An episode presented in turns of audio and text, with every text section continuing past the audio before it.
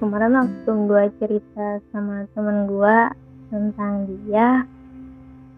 Temen gue nanya emangnya lo saya kenapa sih kalau dia udah nyerah ya gue jawab dong dia langsung bilang ke gue dia dia dia kayak nggak percaya gitu. Terus dia nanya dengan segala keyakinan lo saat ini kalau dia memang benar-benar pergi emangnya lo yakin lo nggak bakal kangen sama dia? Dan ternyata gue dengan gamblangnya bisa jawab ya kangen lah. Ya ya gimana ya? Dengan kebiasaan yang sudah lumayan lama itu tiba-tiba sekarang nggak ada yang dihubungin. Siapa sih yang nggak kangen?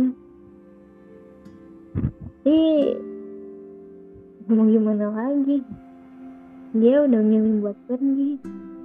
Gue mau bisa apa? Ya udahlah ya